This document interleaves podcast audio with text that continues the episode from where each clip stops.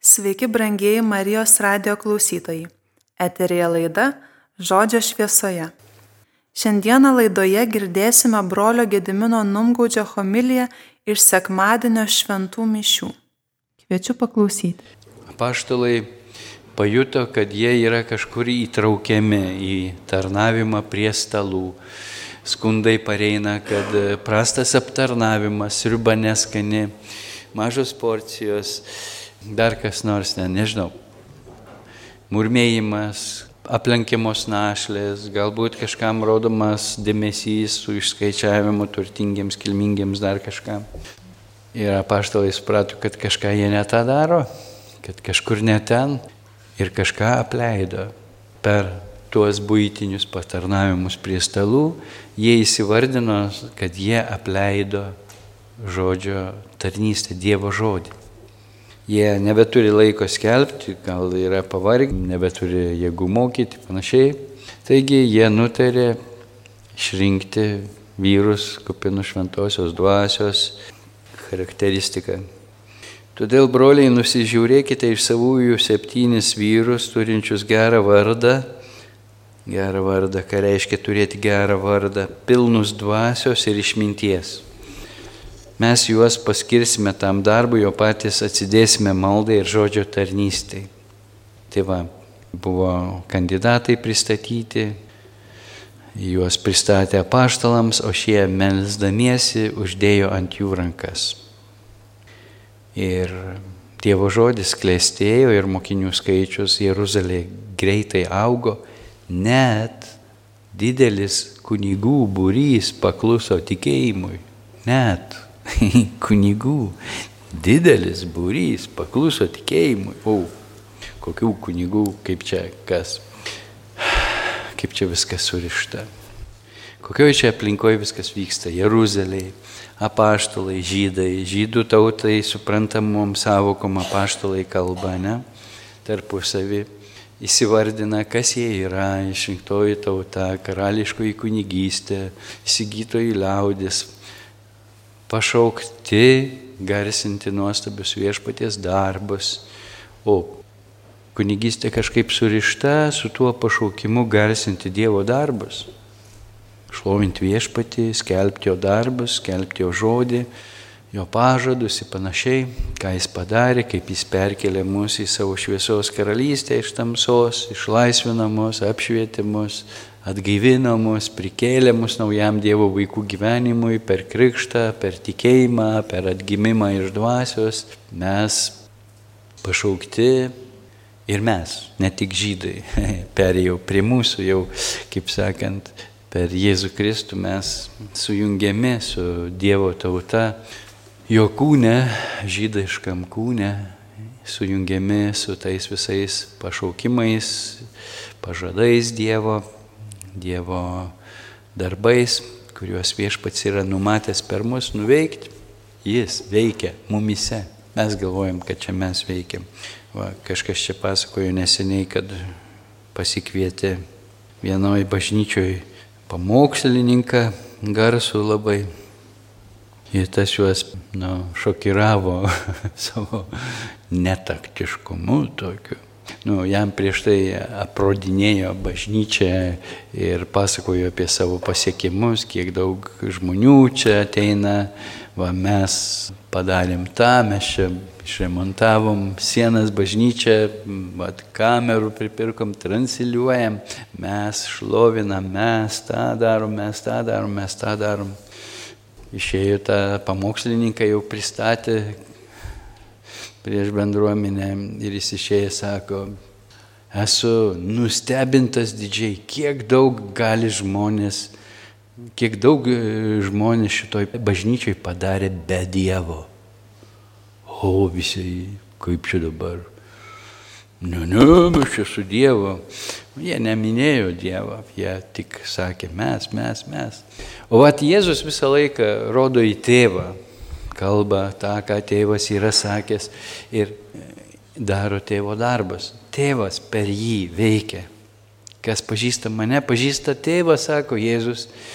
Aš ir esu tėve, tėvas manyje, tą patį mes juk taikom ir savo, kad jis yra mumise, mes per krikštą jį priimam kaip savo atpirkėją asmeninį, kaip savo karalių viešpatį, jam atiduodam savo širdį, savo gyvenimus, savo kūnus, savo rankas, savo širdis.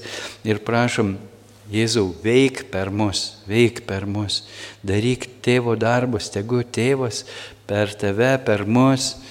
Vienybėje su šventojoje dvasioje, šventosios dvasios jėga, tegu vyksta Dievo darbai, kad Dievas ir šiandien galėtų daryti darbus, kuriuos jis visais laikais nori daryti. Ir daro, ir daro naujus dalykus.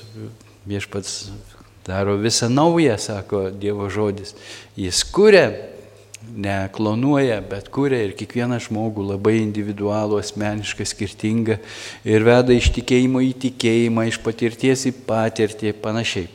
Ir kaip mums svarbu yra suvokti tą savo pašaukimą, tą savo priklausomybę Kristaus kūnui, priklausomybę išrinktą į Dievo tautai, ne vietoj jų būti, kaip sakant, bet kartu su jais vienybėje, per šventąją dvasę, per priklausomybę Kristui, Kristaus kūnui, kuris pirmiausia yra žydiškas, žydų tautoje turintis, kaip sakant, šaknis.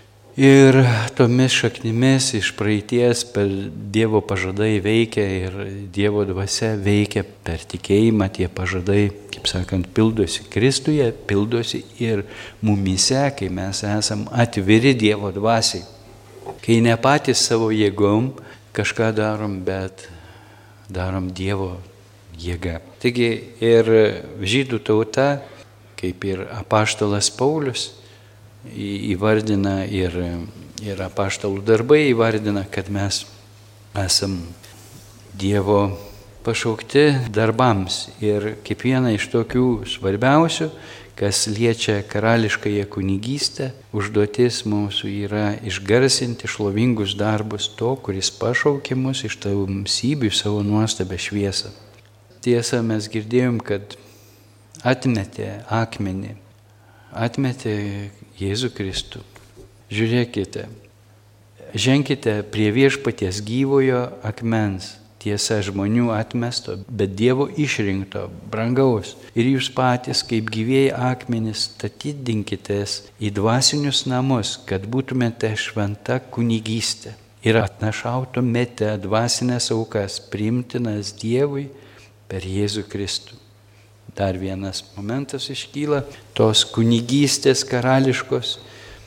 Vienas skelbti, šlovinti viešpaties nuostabius darbus ir atnašauti dvasinės aukas, priimtinas Dievui per Jėzų Kristų. Ar visos aukos priimtinos Dievui? Senajame testamente į šventyklą negalėjai belė kokio gyvulėlio atvesti. Jis turėjo būti be kliaudos, be jokio defekto, be jokio sužeidimo. Ir praeit turėdavo komisiją Todėl čia korupcijos biški buvo, papirkinėjimo, prastumdavo kažką. Jėzus buvo smarkiai supykęs, įtūžęs, išvartė stalus ten tame kieme, kur ta komisija veikia, pagonių kieme, pagonių kilmės tikintieji, kur turėjo atskirą kiemą maldai, matai, juos vis tiek laikė, kad ir priemusiais Jahve kaip savo viešpati vis tiek kadangi neturėjo žydiško kraujo, laikė atskirai. Ir tame kieme vyko prekyba, vyko mainai, kaip sakant, keitė pinigus, nes ne visi pinigai tiko, ne visi gyvulėliai tiko, o ten, kaip sakant, tame kieme jau prekiavo komisija praėjusiais patvirtinimą gavusiais gyvuliais. Tai aišku, papildomai sukeldavo kainą. Taigi tai, ką žydai aukojo šventykloje, jiems kainavo. Kainavo nemažai kainavo. Ir kodėl taip svarbiai, va yra auka, aukojimas Dievui. Ko jam trūksta? Ei, čia ne išmalda, čia ne parama Dievui, kad jam ko nors trūksta. Čia yra mūsų dovana, aukojimas iš pagarbos, iš meilės pripažįstant savo priklausomybę nuo Dievo ir tai, kad aš tikiu, jog visą, ką turiu, esu iš Dievo gavęs ir Dievas sakė, dešimtą dalį atiduosi man, sugražinsi. Kodėl viešpatė tu galėtum duoti man tik 90 ir pasilaikytum savo tą 10, ne? Kodėl tu duodi, paskui reikalauji, kad gražintum. Nu, va, kaip tas rabinas, ten tam anegdotė, žinot, kaip būna Nors kartais pastoriai, kunigai ten popai, rabinai neleidžia tikintiesiems tarpusavį bendrauti, kad neužsikrėstų, bet patys mielai pasidalina Dievo patirtim, kaip sakant, būna visokie pusryčiai ten, pastorių, dar kas nors, vat. ir šiaip smalsu juk, a ką viešpats pas jūs veikia. Nu ir susitikę, vat, dalinosi popas, klebonas, nu, ortodoksų kunigas, katalikų ir rabinas. A broliai, a kaip jūs ten su tom aukom elgėtės, kai žmonės aukoja? Nu, klebon sako, aš tai pusę savo paėmu, pusę Dievo reikalams. Po pasako, aš užbrėžiu liniją, va, metu į orą ir kas nukrenta už linijos Dievui, kas nukrenta į šitą pusę, jau mano reikalams. Rabins tyli. Klebons klausė, a jūs, rabi, ką darot? A, aš, ką aš papras žmogus, metu į orą viską, ir sakau, Dieve, kiek tau reikia, pasiimk, kas nukris, tai mano bus. nu, va, čia pajokavom, bet iš tikrųjų žydai kruopščiai aukoja dešimtinę, pas juos tas galioja, nemažai protestantų tą išgirdę tas žodis pasiekęs juos aukoja ir liūdė, kad viešpats juos laimina. Na ir ačiū Dievui, pas mus irgi yra bendruomeniai, parapijoje nemažai tikinčiųjų, kurie aukoja dešimtinę. Kas jaukų dėžutė, kas pavedimais per banką būna tokia intencija dešimtinė. Tai va, viešpats te laimina visus, kurie tiki Dievo meilę, dėkingi jam ir klusnus jam, nekeldami jam klausimų, atiduoda tai, kas viešpačiui priklauso, ko viešpats prašo, kad ištirtų mūsų širdis ir kad atvertų mus dosnumui, pasidalinimui, pirmiausia su juo, gražinant jam geriausią dalį, tai mus labai gerai gydo iš mūsų egoizmo, iš ateities baimės, kad vat, neužteksiu, kad pritrūksiu, reikia pasitaupyti, pasilaikyti ir panašiai. Viešpats pasirūpins ir duos dar daugiau. Ir čia yra minimumas, kaip sakant, ta dešimtinė. Kodėl aš čia nukrypau? Apie aukas kažkaip pradėjau nekalbėti, kad vat, primtina auka, kad būtų primtina auka Dievui. Neprimtina auka Dievui, kuri nieko nekainuoja, kuri iš atliekų, kaip sakant, man atliko, man nebrangi, man nesvarbi, mano gyvenimo nekeičia, neįtakoja.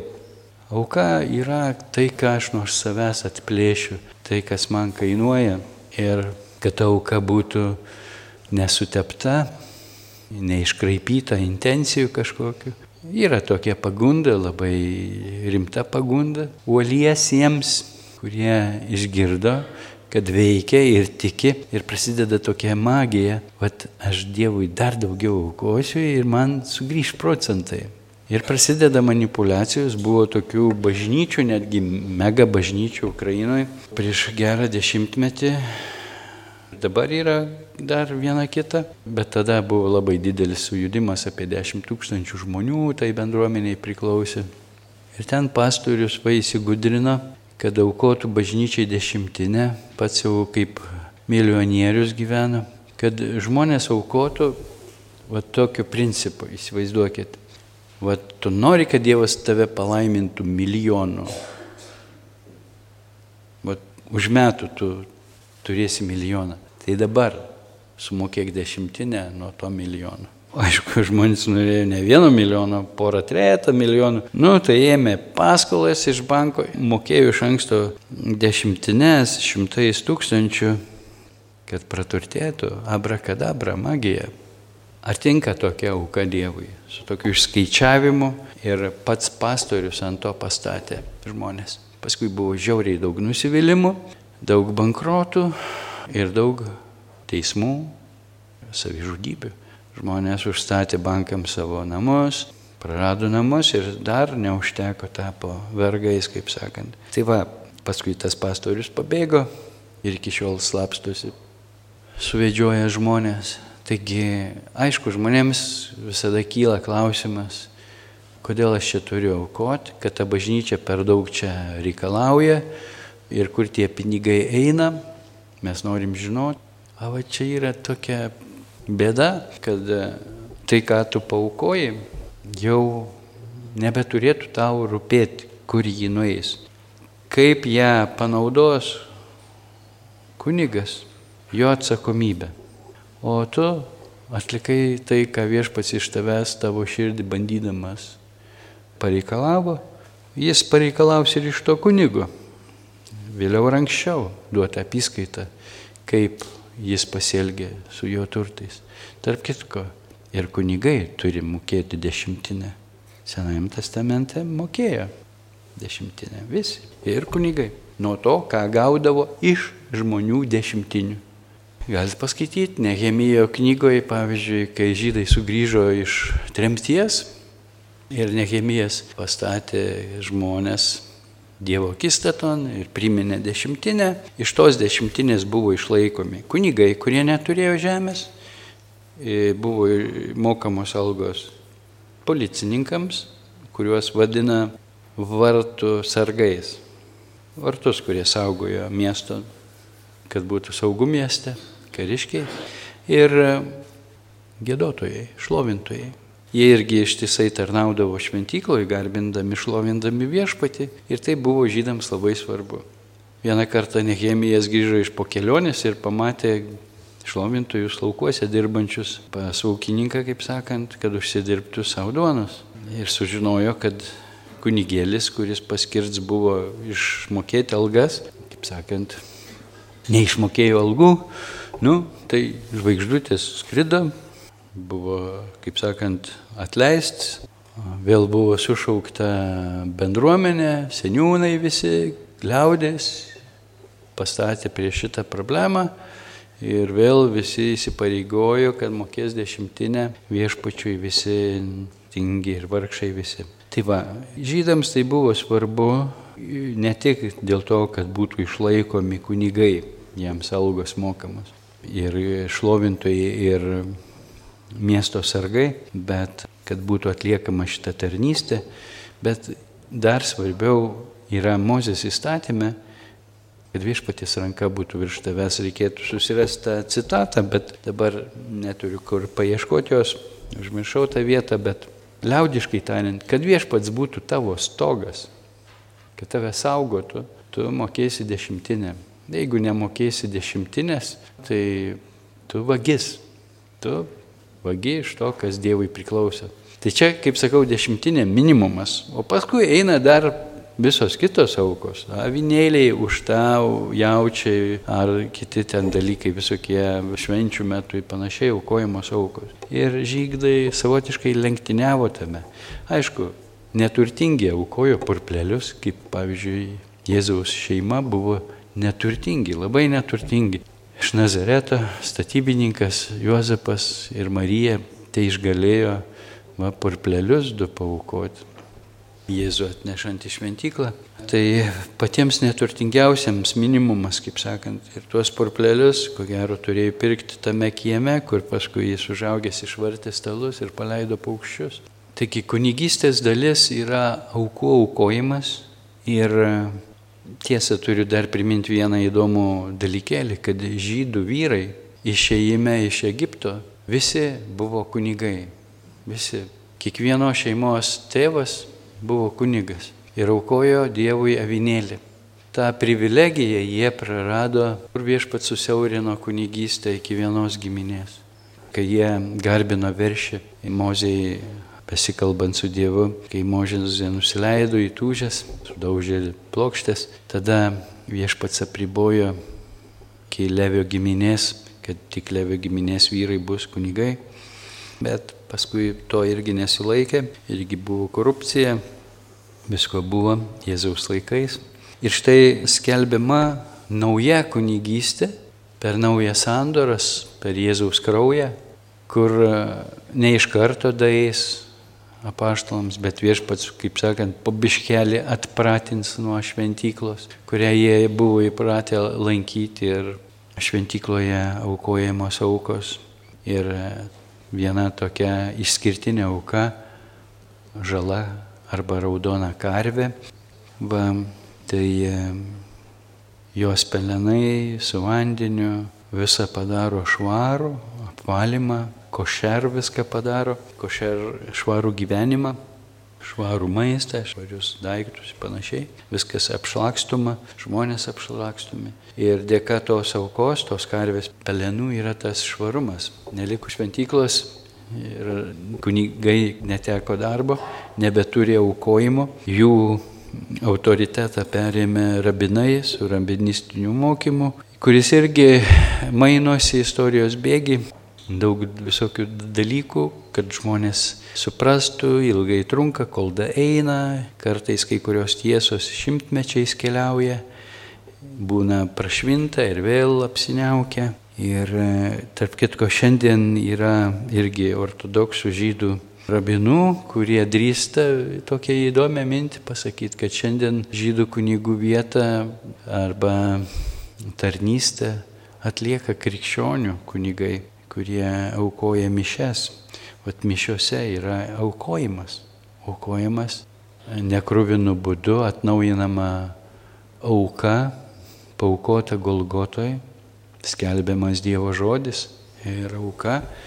Ir mes susisiaurinam iki savo asmeninių reikalų su ta auka, o iš tikrųjų žydų kunigai meldėsi ne tik už atskirus žmonės aukas aukojo, ne tik už žydų tautą, bet už visas tautas pasaulyje.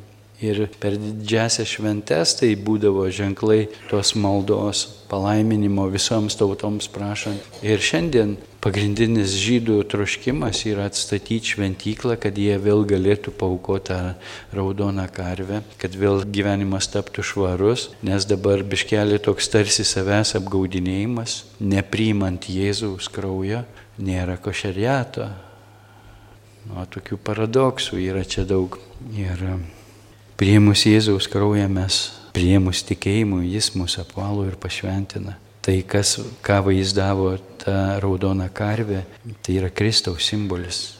Akivaizdus iki smulkmenų, detalių. Visas Jėzaus gyvenimas yra užkoduotas seniai, seniai praeitį toje raudonos karvės rituale, kaip jį auginama, kaip jį tyriama, kaip jį ruošiama tam paukojimui ir panašiai.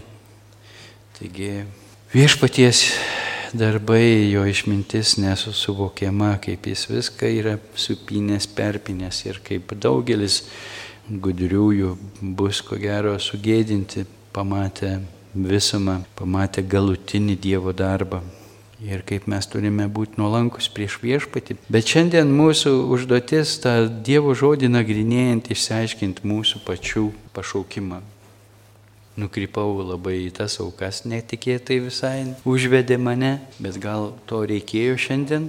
Va, o ar šiandien aš vienas kunigas čia su bažnyčioj? Ar visi mes esam kunigai? Juk per krikštą mes gaunam karališką, pranašišką, kunigišką patepimą charizmos aliejumi. Gaunam ženklą, bet ar atsiveriam tai, ką tas ženklas vaizduoja? Aš jūs visus čia atstovauju prie altoriaus su vyskupo ranko uždėjimu ant mano galvos, ne? Perduodama tą pašvenčiamoji kunigystė, bet visi turit bendrąją kunigystę. Ir visi esat pašaukti aukoti dvasinės aukas asmeniškai ir melstis pašaukti, ir liūdyti, kaip pranašai, liūdyti Dievo darbus, skelbti Dievo darbus, kaip kunigai, skelbti Dievo žodį, vyrai darbuose, o mamos perduoda tradicijas, pasakoja Dievo darbus. Taip pat ir tėtis be abejo, ypač švenčių metu, turi vaikams viską paaiškinti. Šiandien bažnyčia kuri irgi yra tarsi dvasinė motina, bet nustebino mane vyskupo žodžiai čia šią savaitę išgirsti.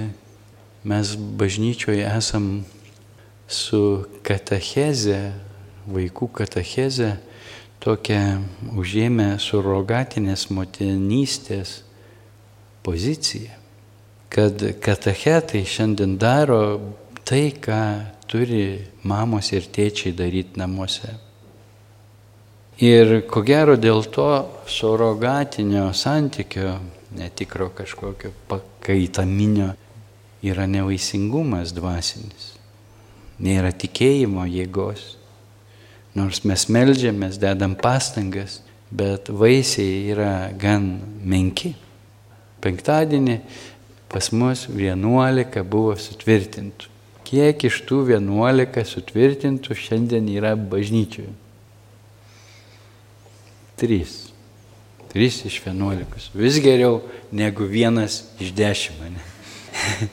Va, džiaugiuosi, kad Milena įstojo į tarnystę, gavusi sutvirtinimo sakramentą, vat, pradėjo tarnauti prie kamerų, tikiuosi ir kiti užims pozicijas. Daivai buvau kažkokią tarnystę pavedęs, dar reikės kitus pakviesti kažkur konkrečiai, kad auktų tarnystėje, auktų Dievo darbuose.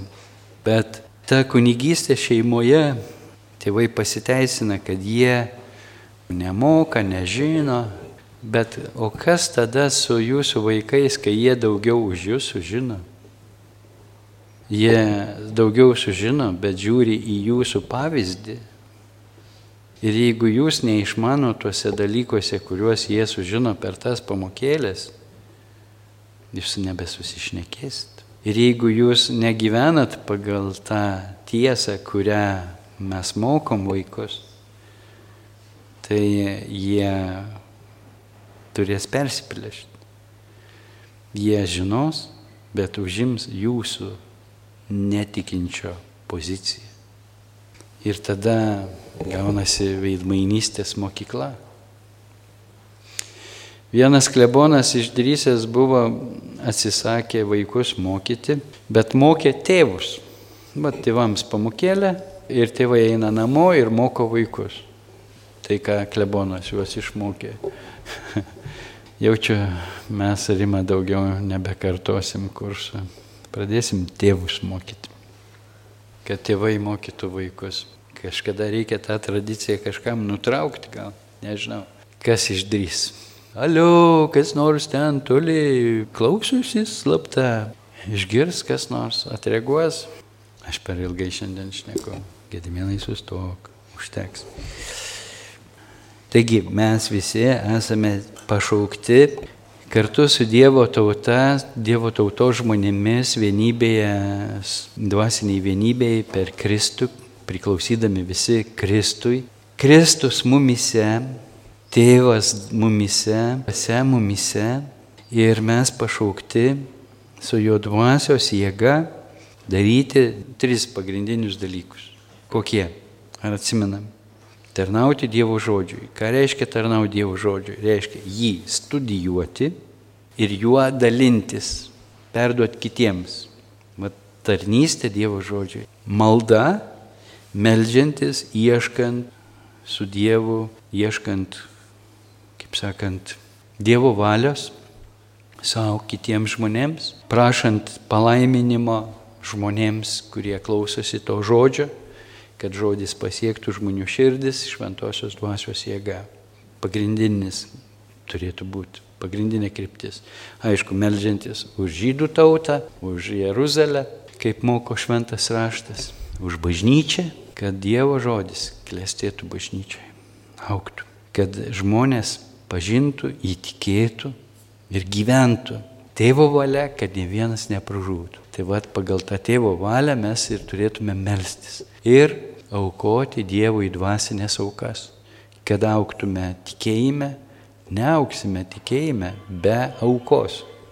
Auksime emocijose religinėse, grįšim susižavėję, gražią muziką, šlovinimu, užsidegę čia kažkuo pozityviu, kažkokie norai galbūt kils, daugiau, atvažiuoti pakūtą, atsargiai nesusirkit pakūtlygę. Ir, nu, čia taip šilta, čia taip malonu, čia žmonės tokie draugiški, broliai sesės.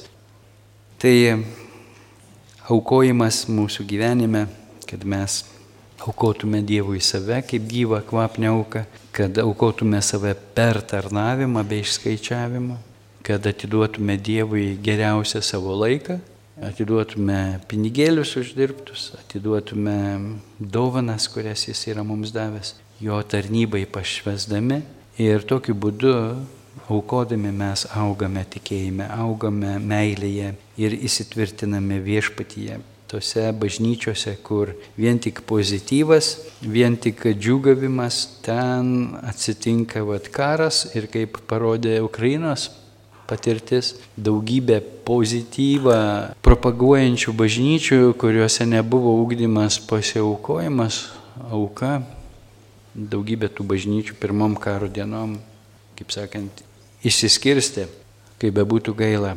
Tai va, melskime, kad viešpats būtų su mumis ir ugdytų mus pilnatvėje, neužsiciklinant mums ant kažkokio vieno siauro dalyko, džiugavimo kokio nors, kuris irgi labai svarbus, bet tai yra pasiekmė, o mūsų džiaugsmo priežasis turi būti viešpats, kurį mes pažįstame, kai aukojame jam primtinas vertas aukas, būdami teisume, daug gali teisiojo malda, kai mes tikime Jėzumi, jo žodžiu, jo meilę, jo atpirkimu ir jam atsidavę, pasišventę, esame vienybėje su juo ir tarnaujame jam, skelbdami jo žodį, pažindami jį per žodį, įsitvirtindami jame per žodį. Taigi turim reikalų, bet viešpats mums davė ne tik užduotis, bet davė ir priemonės, davė šventą raštą, davė Šventą dvasę davė brolių sesis, bendruomenę ir stenkimės visas tas dovanas išnaudotas, priemonės išnaudoti, kurias gyvenime gaunam, kad visa tarnautų mūsų ir kitų žmonių išgelbėjimui, kaip to trokšta viešpats. Amen. Laidoje kalbėjo brolis pranciškonas kunigas Gediminas Numgaudis